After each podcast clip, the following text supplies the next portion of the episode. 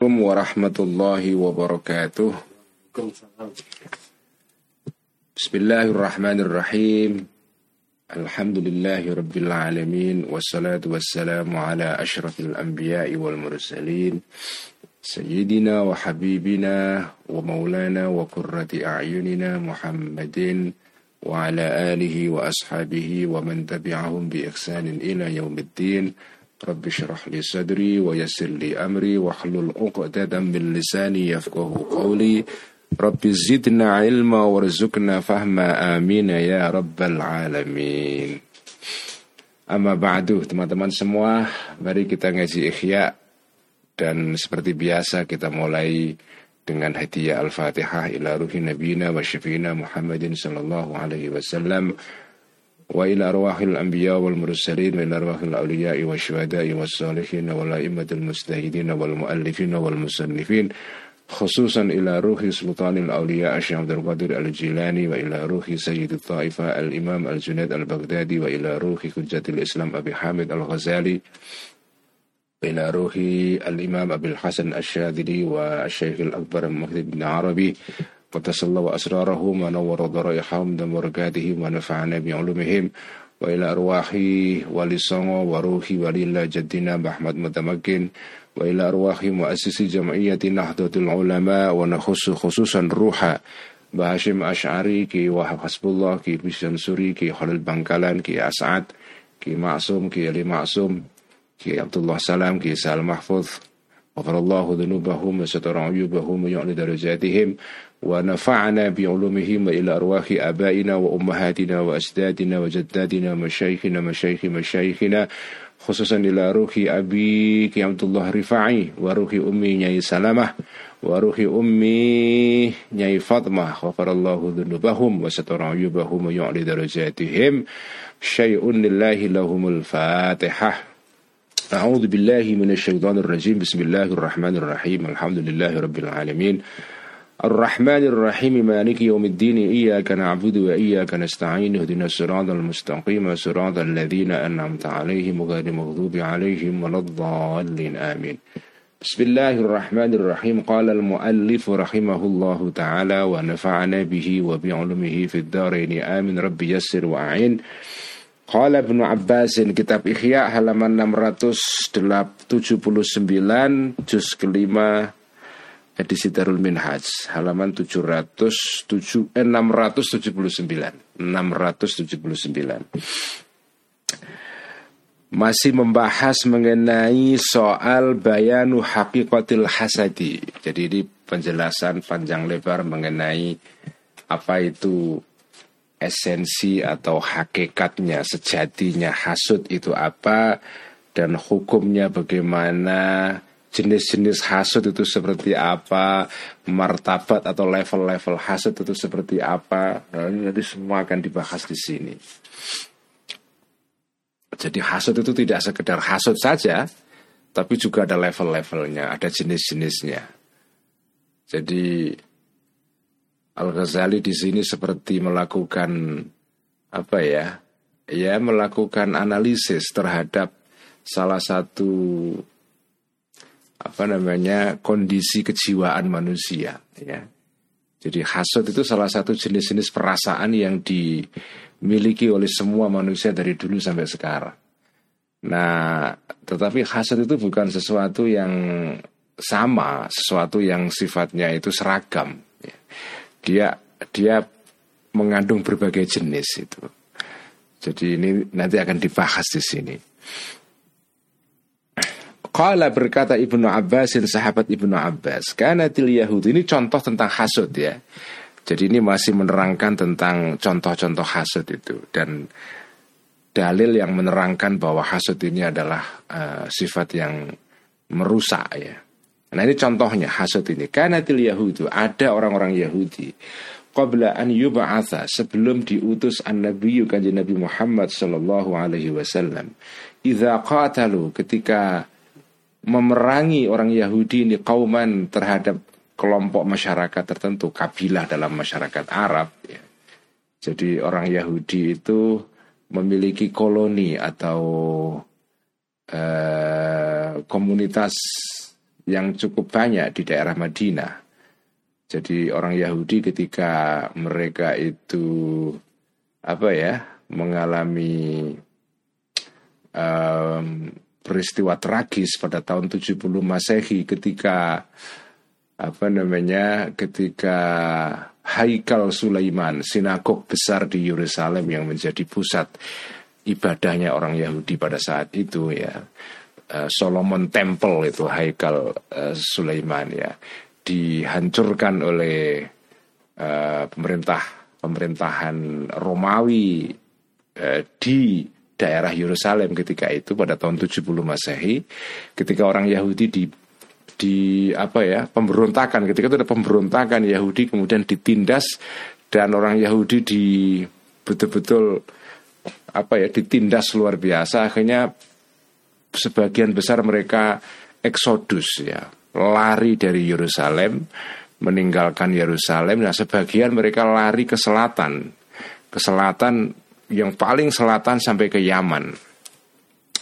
Sebagian mereka lari ke Afrika ya. Yaman nyebrang ke Ethiopia di Habasyah di Ethiopia. Makanya sampai sekarang masih ada beberapa komunitas Yahudi itu di daerah Ethiopia dan sekitarnya. Ethiopia, uh, Eritrea, uh, Somalia dan sekitar itu ya. Daerah uh, apa namanya Afrika bagian selatan timur ya selatan timur itu apa ya Tenggara ya selatan timur ya Tenggara ya kemudian sebagian mereka ada yang menetap di Madinah Nah, mereka bertempat di daerah namanya Khoibar ya.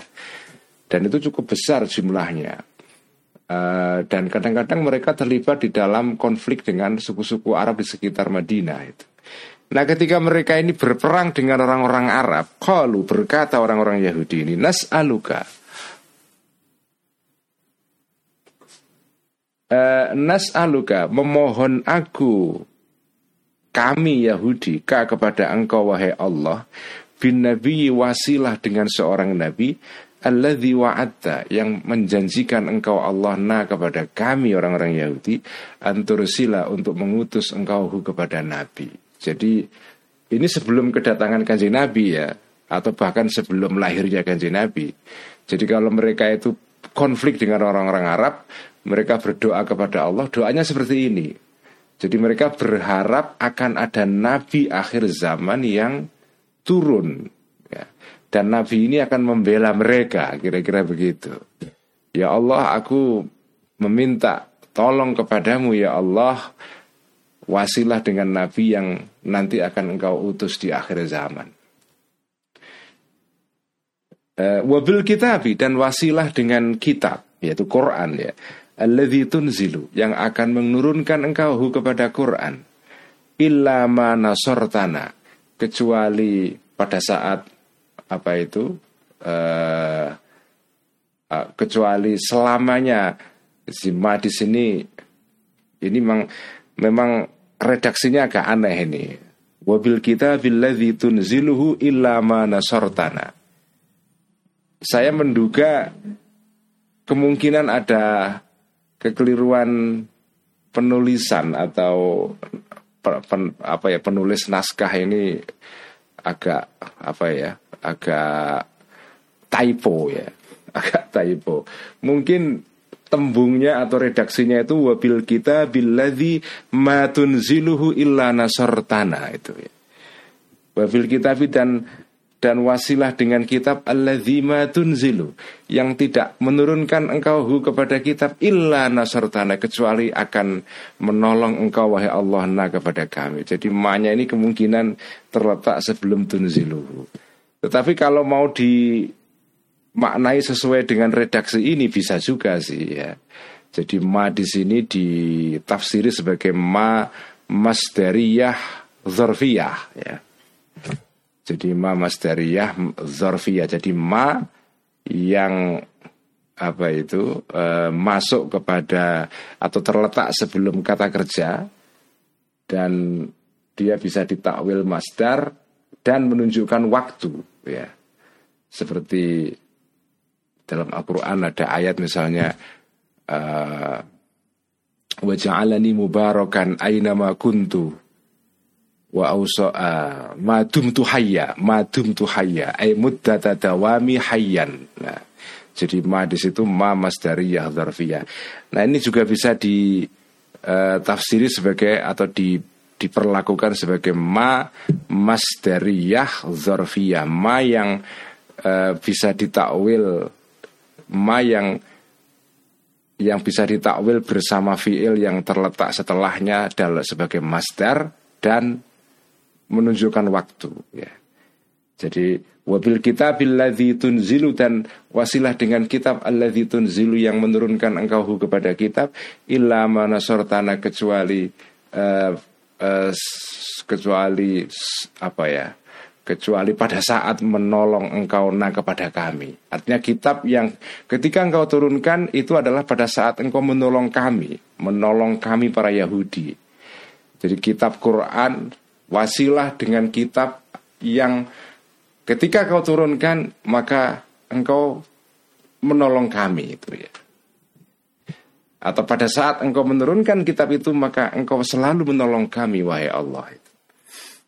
Nah doa ini inilah doanya orang Yahudi ketika berperang melawan orang Arab sebelum kedatangan kajian Nabi Muhammad Wasallam. Nah kalau mereka berdoa dengan wasilah seperti ini fakanu maka ada orang Yahudi ini yunsoruna ditolong mereka ini.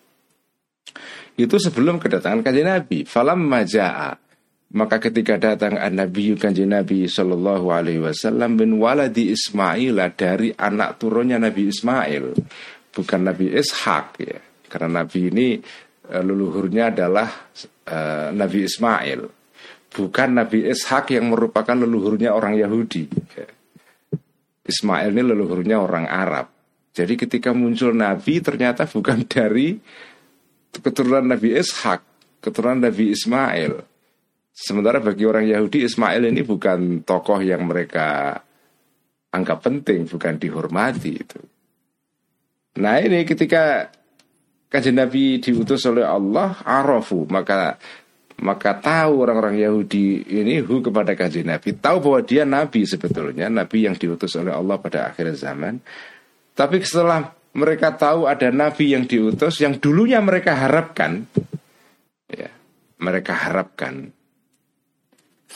inilah yang disebut dengan ideologi uh, milenarisme ya milenarisme.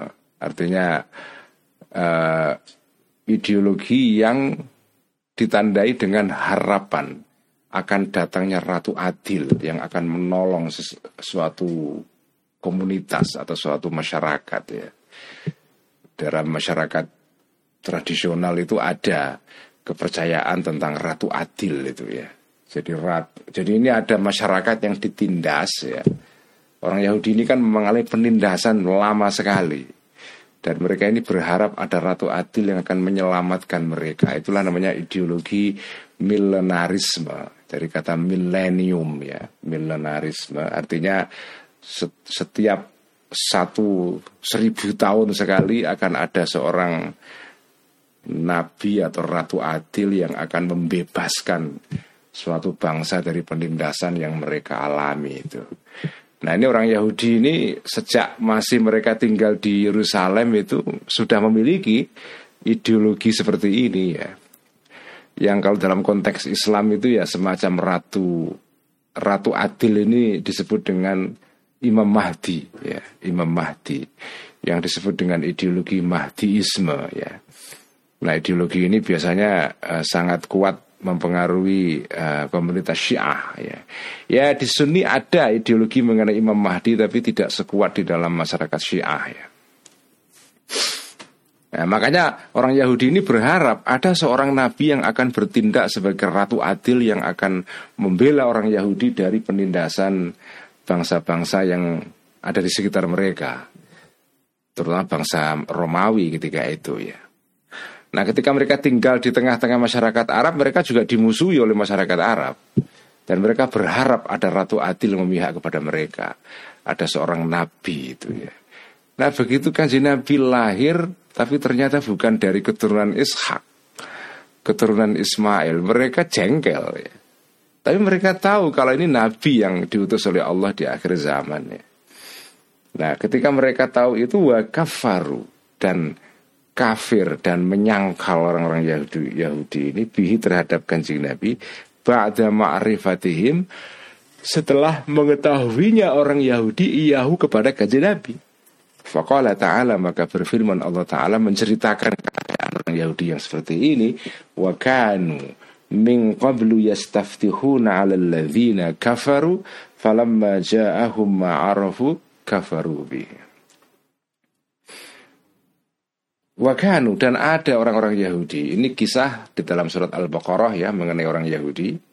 Wakanu dan ada orang-orang Yahudi ini mingkoblu sebelum saat ini ya sebelum saat mereka berjumpa dengan kanji Nabi dan memusuhi kanji Nabi mereka ini yastaftihuna uh, meminta pertolongan ayastansiruna meminta pertolongan orang-orang Yahudi ini alalladzina terhadap orang-orang kafaru yang kafir, orang alladzina. Jadi mereka ketika orang Yahudi ini konflik dengan orang-orang Arab yang kafir itu, mereka minta tolong kepada Allah wasilah ya dengan kanji Nabi seperti tadi itu. Falam maja maka ketika datang hum kepada orang Yahudi makabar atau berita Arafu yang mengetahui orang-orang Yahudi ini kepada kabar itu Yaitu tentang kedatangan kanjeng Nabi Muhammad Kafaru. Kafir mereka menyangkal mereka bi terhadap kanjeng Nabi. Padahal mereka tahu kalau ini Nabi sebetulnya. Ila qawlihi an yakfuru Ini disingkat saja Ayyakfuru bima anzalallahu baghyan. An yakfuru kafir orang yang eh, Orang-orang Yahudi ini bima terhadap pesan kabar atau wahyu anzala yang menurunkan Allahu Allah kepada ma bagian ai hasadan. Jadi kata bagian di sini inilah mahalus syahidnya apa uh, yang menjadi pokok permasalahannya. Jadi bagian ai hasadan karena hasud. Ya. Jadi orang Yahudi ini tidak mau percaya kepada kanjeng Nabi karena hasud. Kenapa hasut? Karena yang datang nabi yang bukan dari keturunan leluhur mereka. Itu ini contoh hasut itu. Wakala dan berkata Sofia itu Siti Sofia. Ini istri kanji Nabi yang Yahudi. Jadi kanji Nabi itu punya istri yang uh, dulunya Yahudi ya kemudian masuk Islam ya. Dan juga punya istri yang dulunya Kristen Koptik yaitu Siti uh, siapa namanya? Siti ah kok bisa lupa ya? Siti ah, uh, dari Mesir hadiah dari uh, Raja Mokaukis ya. Uh, jadi ada dua itu ya. Ada Siti Sofia dan Siti Ah, kok bisa lupa ya. Wakala dan berkata, Sofia itu Siti Sofia bintu Huyai, ya, anaknya Huyai ini seorang Yahudi ya.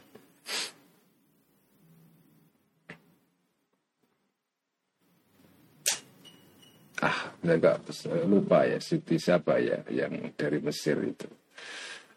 Uh, bintu Huyayyin dan Nabi kepada kanjeng Nabi Shallallahu Alaihi Wasallam. Jaa abi wa ami min indika yauman. Ini cerita Siti Sofia, seorang Yahudi dari tanah Khaybar ya. Ya, ini ini dulu bagian dari kabilah Yahudi di Khaybar yang kemudian diperangi kanjeng Nabi, kemudian Siti Sofia ini uh, dinikahi oleh kanjeng Nabi. Ya. Ja'a. Nah ini cerita Sofia ini tentang masa lalunya ya. Ja'a datang abi bapakku, wami dan pamanku min indika.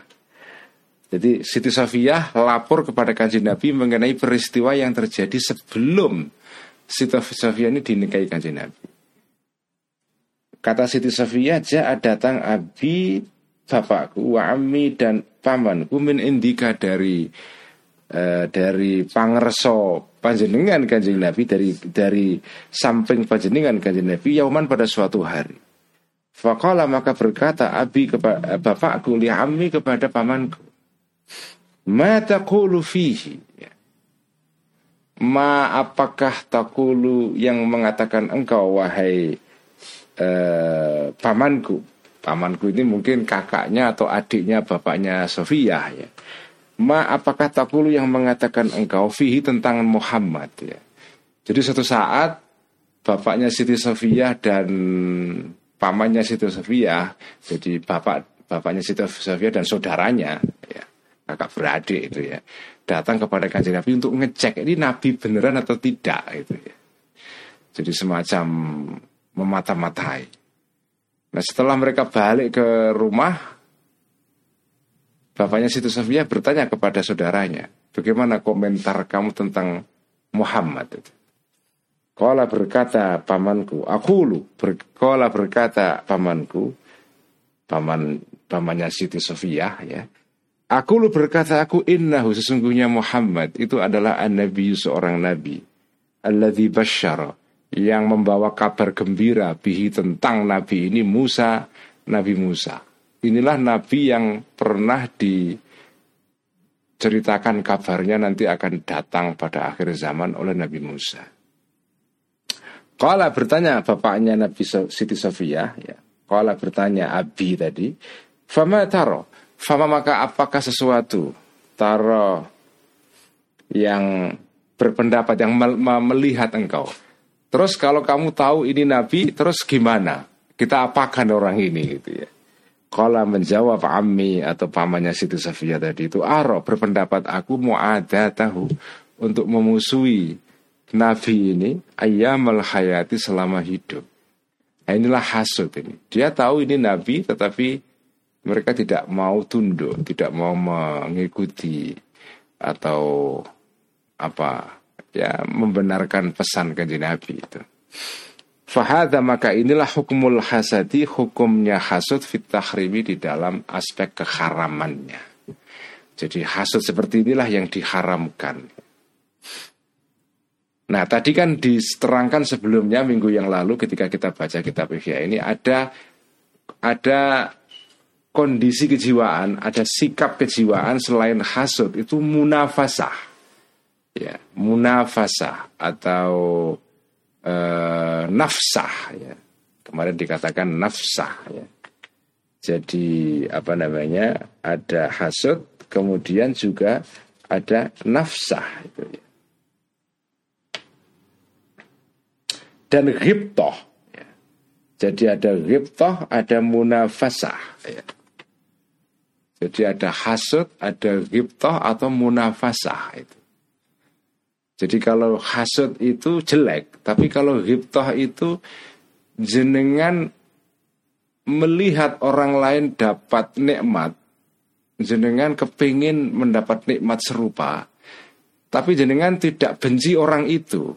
Kalau hasud itu kan ada orang dapat nikmat, dapat kebahagiaan, jenengan sedih. Sedihnya karena sialan yang dapat kok dia bukan saya dan dia dan sampean berharap nikmat yang dia terima itu segera hilang ya.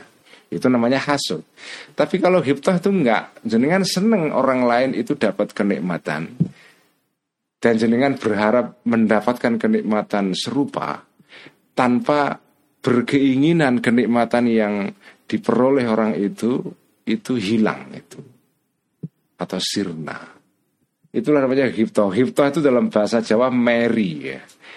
Mary. Ini Mbak Admin sedang di Jogja yang menjadi admin malam ini adalah uh, Mas Ben ini. Siti ya Maria Alkiptiyah ya tadi itu yang Siti Maria Alkiptiyah ya. Jadi yang menjadi admin malam ini adalah anak saya yang pertama Mas Iktada bin Nabi Muhammad atau Mas Ben. Terima kasih Mas Ben. Karena Mas Billy adiknya lagi di luar negeri ini. Wa wa amal munafasatu adapun munafasa atau ghibtoh ya. Mary dalam bahasa Jawa itu. Falaisat maka tidak ada munafasa bi haramin haram. Mary tapi Mary dalam pengertian positif ya wah, anda saya bisa dapat beasiswa kayak Mas Ben itu ya, wah itu. Tapi jenengan seneng aja, tidak terus wah sialan yang dapat dia bukan saya. Kenapa nggak gue nggak gue yang dapat, kenapa dia gitu kan? itu kalau yang yang seperti itu itu hasut ya. Kenapa nggak gue yang dapat, kenapa dia? Sialan, nah itu hasut. Tapi kalau ya Allah, andai saya dapat seperti itu ya, ya Allah senangnya saya gitu. Itu namanya ghibtoh. Nah kalau ghibtoh ini tidak haram. Balhia bahkan ghibtoh ini atau munafasah imma wajibatun ada kalanya wajib wa imma mandubatun ada kalanya disunahkan bahkan wa imma mubahatun dan ada kalanya mubah. Nah, inilah ini pentingnya kita belajar ilmu itu kayak begini ini ya. Jadi sikap kejiwaan itu dianalisis detail sekali. Ini kalau kalau orang yang ndak ndak apa ya punya ketajaman dalam pengamatan, ndak bisa membeda membeda-bedakan ini. Kalau kita kan nggak pernah mikir hasut ya hasut saja gitu. Dikira hasut itu hasut, Mary itu mungkin kita kita samakan saja. Padahal beda. Ada hasut, ada giptoh, ada munafasah. Dan giptoh, munafasah, Mary itu ada Mary yang wajib, ada yang sunnah, ada yang mubah. Nah, ini kita belajar melihat masalah dengan detail, dengan presisi. Ini ini pentingnya belajar seperti ini ya. Jadi segala sesuatu itu itu tidak dipandang secara gebiah uyah. Gebiah uyah itu apa? Seperti orang melemparkan garam itu loh. Tanpa pilih kasih dilempar saja itu. Enggak begitu, tapi dilihat oh ada yang seperti ini, ada yang seperti itu dan itu beda itu. Wakat yusta'malu dan kadang-kadang dipakai lafzul munafasati istilah munafasah badal al hasadi sebagai gantinya hasud. Wal hasadi dan istilah hasud badal al munafasati sebagai gantinya munafasah. Kadang-kadang munafasah itu ya maknanya disamakan dengan hasud. Tetapi munafasah itu harus dibedakan dari hasud itu. Kala berkata Quthamu binul Abbasi.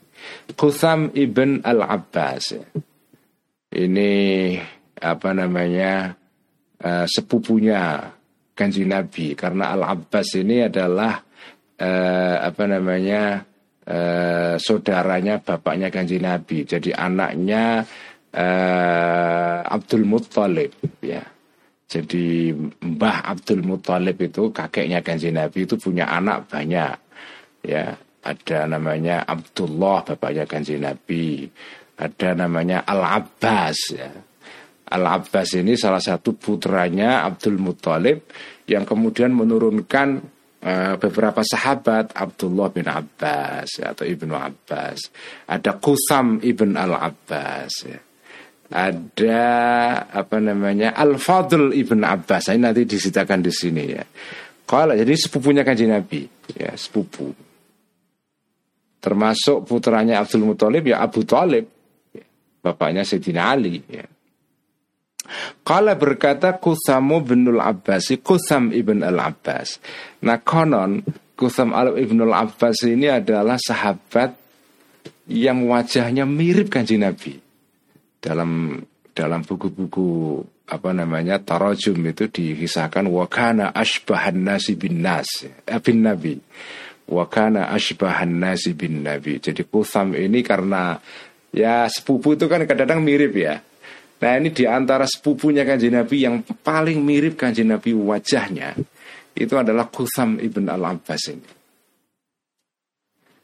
Dan nah ini kisah menariknya waktu kanjeng Nabi wafat, Utham ini masih masih muda sekali. Dan dia ikut mengangkat jenazah kanjeng Nabi bersama yang lain-lain dimasukkan ke liang lahat. Dan dia yang paling terakhir naik ke atas itu. Jadi yang lainnya sudah naik, dia yang terakhir naik dari liang lahat ke atas. Inilah jadi ini saksi hidup ketika kanjeng Nabi wafat ikut apa meletakkan jenazah kanjeng Nabi di liang lahat itu. Dan inilah orang yang paling mirip kanjeng Nabi dari segi wajahnya. Kala berkata Kuthamu bin al-Abbas Kutham ibn al-Abbas Kepada saudaranya atau bercerita Kutham ibn al Abbas bercerita lama arada ketika menginginkan huwa Kutham ini wal fadlu dan sahabat al fadl ibn Abbas ya saudaranya Kutham ini saudaranya Kutham ya. An ya'tiya untuk datang jadi dua-duanya ini dua-duanya sepupunya kanjeng Nabi Kutham maupun al fadl ini. An ya'tiya untuk mendatangi keduanya ini an nabiya kepada kanjeng Nabi sallallahu alaihi wasallam. Fayasalani maka meminta keduanya yaitu Kusam dan Al-Fadl hi kepada kanjeng Nabi an yu'ammira untuk menjadikan panitia amir atau amil zakat ya huma kanjeng Nabi huma kepada Kusam dan Al-Fadl ala sedekah terhadap sedekah. Jadi mereka ini berinisiatif kepengen jadi panitia zakat. Datang kepada kanjeng Nabi uh, minta ya Nabi ini saya kepengen volunteer jadi relawan untuk menjadi amil zakat. Nah, tapi sebelum mereka datang kepada kanjeng Nabi, eh, mereka minta pendapat dulu kepada sepupu mereka yang lain namanya Sayyidina Ali. Sayyidina Ali ini sepupunya mereka juga. Ini kan sama-sama cucunya sama-sama tunggal mbah ini, tunggal kakek ya kakeknya yaitu Abdul Muthalib. Cuma Sayyidina Ali bapaknya lain, bapaknya namanya Abu Talib. Abu Talib ya saudaranya Al Abbas. Jadi Abdul Muthalib punya anak Abu Talib, eh, Abdullah, kemudian apa namanya Al Abbas dan yang lain-lain. Kala berkata keduanya, Kusam dan Al Fadl ini li aliyin kepada Sayyidina Ali, hina kala ketika berkata, eh, apa itu uh, Sayyidina Ali lahuma kepada keduanya Qusam dan Al-Fadl la tadhhaba jangan pergi engkau Qusam dan Al-Fadl ilahi kepada kanjeng Nabi fa innahu karena sesungguhnya kanjeng Nabi enggak bahkan layu amiru tidak akan menjadikan amir menjadikan panitia kanjeng Nabi kuma kepada engkau berdua alih kepada zak kepada terhadap zakat udah kamu nggak usah nggak usah minta kajian Nabi jadi ambil zakat. Nggak bakalan dijadiin kamu itu. Ya. Nabi tidak mau menjadikan kalian berdua ini sebagai apa namanya ambil zakat. Karena Nabi nggak kepingin keluarganya ahlul baitnya itu terlibat dalam urusan zakat itu. Dan dalam hukum agama kan Nabi nggak boleh menerima zakat. Ya, Nabi itu tidak dibolehkan menerima zakat memang kajian Nabi menerima pembagian ghanimah seperlima dari ghanimah itu diberikan kepada kajian Nabi. Tetapi kajian Nabi tidak untuk dimakan sendiri, tapi diberikan untuk kepada orang lain. Dan Nabi tidak boleh menerima zakat. Karena itu tidak menginginkan ahlul baitnya juga ngurusi zakat. Nah, Sayyidina Ali sudah tahu itu.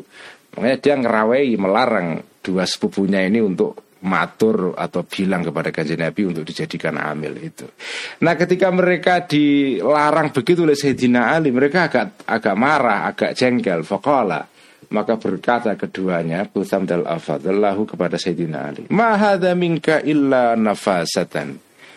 Mahada tidak ada ini larangan ini ya Minka dari kamu itu illa nafasatun. Eh, Apa itu? Illa nafasatan lebih baik dibaca illa nafasatan ya uh, illa nafasatan kecuali uh, apa namanya uh, Mary illa nafasatan kecuali Mary itu kamu ini kayaknya Mary, kamu nggak kepengen kami jadi amil zakat itu ya. Makanya kamu melarang saya datang kepada kanji Nabi. Nah ini nafasa, ini bukan hasad, ini nafasa ini. Wallahi demi Allah, laqad zawwaja. Sungguh telah mengawinkan kanjeng Nabi engkau kepada engkau tahu anaknya kanjeng Nabi, putrinya kanjeng Nabi. Kamu itu sudah dapat putrinya kanjeng Nabi. Ketika kamu dinikahkan kanjeng Nabi kepada putrinya fama nafisna maka tidak meri, tidak tidak iri aku kami zalika terhadap tazwij tadi itu pernikahan itu alaika terhadap dirimu Kamu dapat Siti Fatimah, kamu aku juga oke-oke saja kok.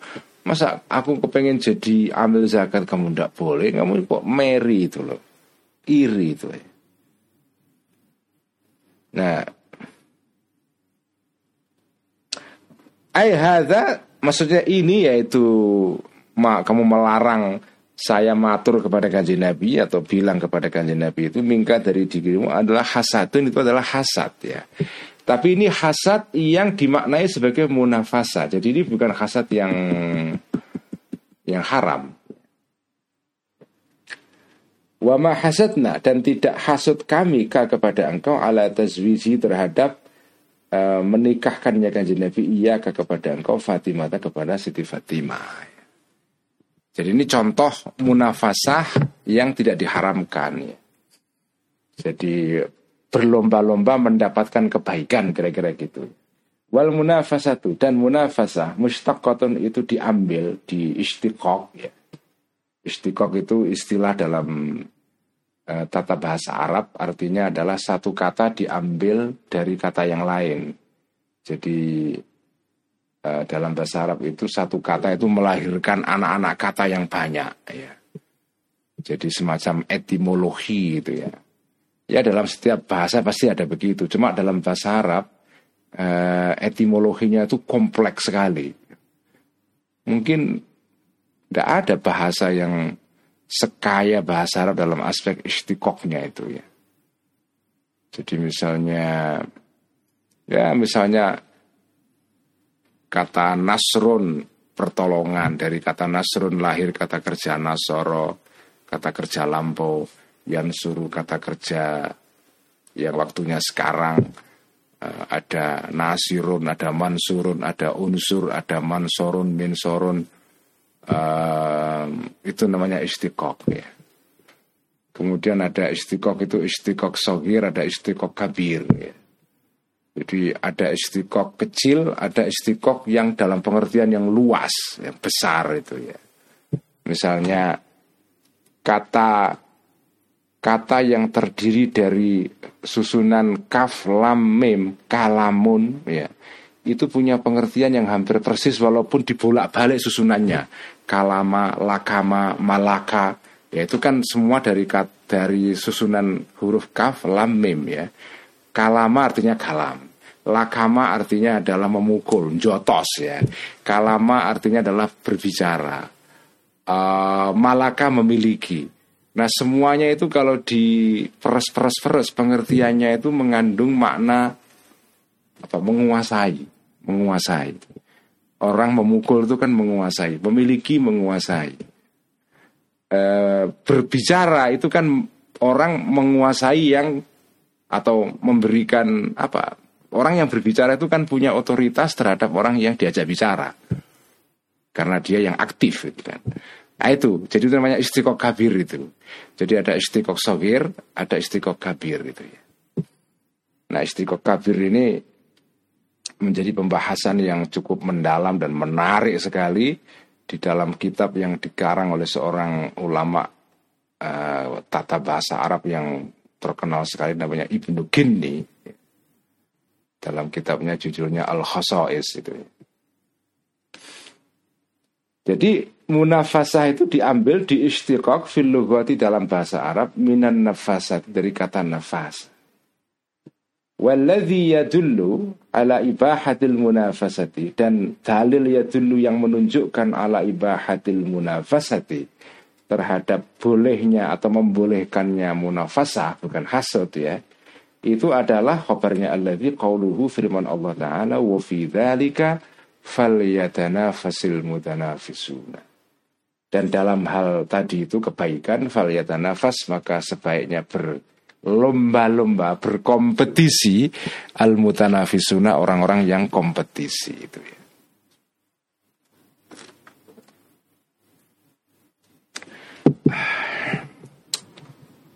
Waqala dan berfirman Allah Ta'ala Sabiku ila maghfiratin min rabbikum Sabiku uh, Sebentar ini Kalau di Quran Sebetulnya ayatnya Sari'u ya Apakah ada sabiku ya Saya agak lupa itu. Yang sering kita baca dalam surat Ali Imran itu kan sari'u ila maghfiratin bin rabbikum. Sabiku sari'u. Hmm, nanti dicek ya. Nah ini ini munafasa, ini artinya perlombaan kompetisi yang baik ini sabiku atau sari'u berlomba-lombalah kalian ila maghfiratin terhadap uh, ampunan min rabbikum dari Tuhan kalian. Nah ini ini contoh dalil bahwa munafasah bukan hasud ya itu boleh itu bahkan dianjurkan dalam kebaikan. Wa innamal musabaqatu inda khaufil fauti.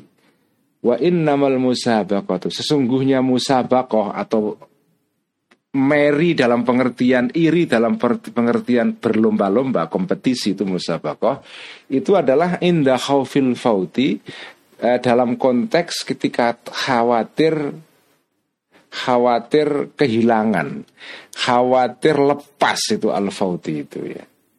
Jadi jenengan khawatir lepas dari kesempatan baik yang diperoleh orang lain itu sehingga sampean itu berlomba-lomba ingin meraih hal serupa.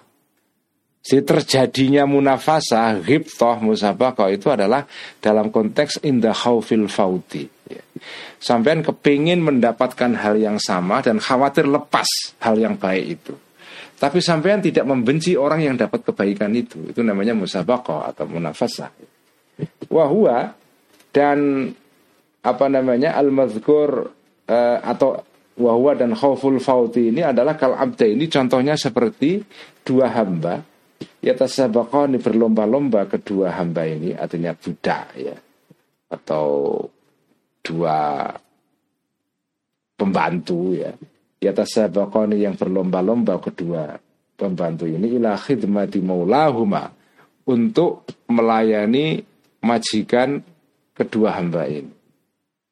Idhyajza'u karena merasa apa namanya gelo. Gelo itu apa ya? Getun uh, apa getun dalam bahasa Jawa, bahasa Indonesia-nya getun itu menyesal ya. Kullu setiap masing-masing anyas biko apa untuk apa karena anyas biko eli anyas biko karena mendahului hu kepada kullu wahidin sohibuhu temannya kullu wahidin karena dia karena temannya lebih cepat melayani majikannya dia merasa menyesal karena kalah bersaing gitu ya.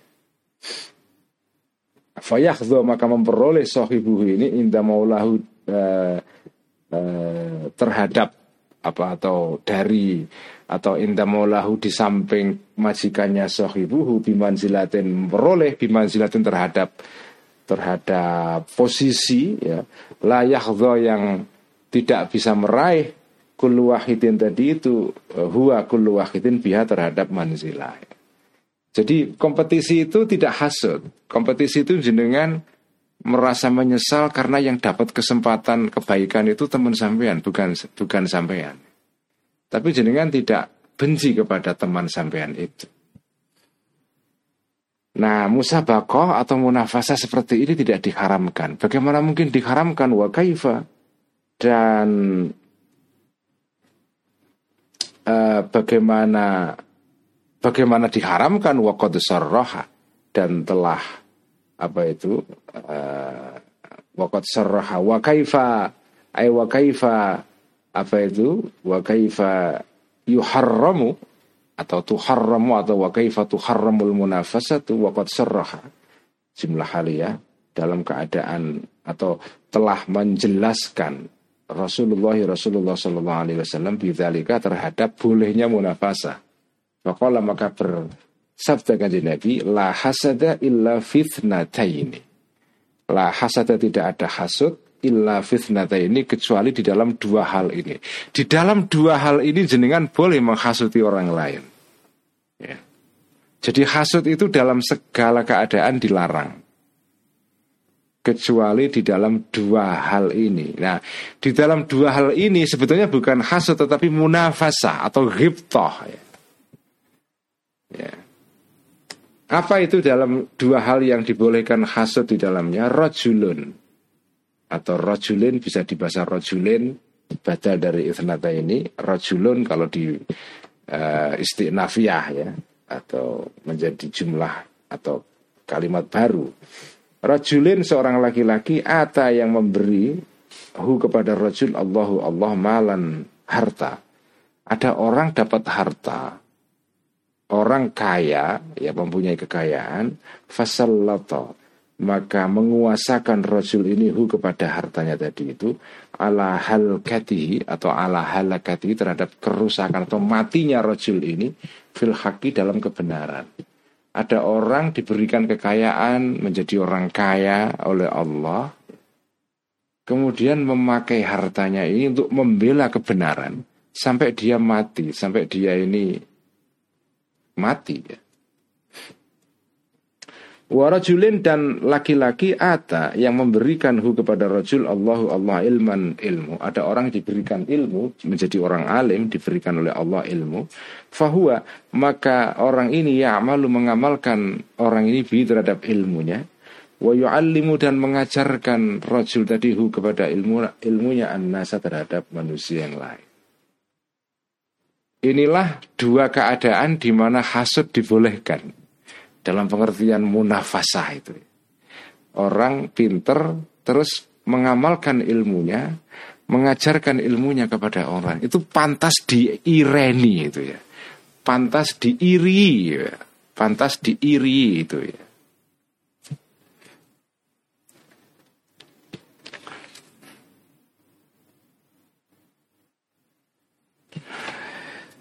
Baik, sekian ngaji Ihya malam ini kita teruskan minggu depan dan seperti biasa mari kita tutup ngaji Ihya dengan bacaan salawat tibil kulu. Allahumma salli على سيدنا محمد طب القلوب ودوائها وعافية الأبدان وشفائها ونور الأبصار وضيائها.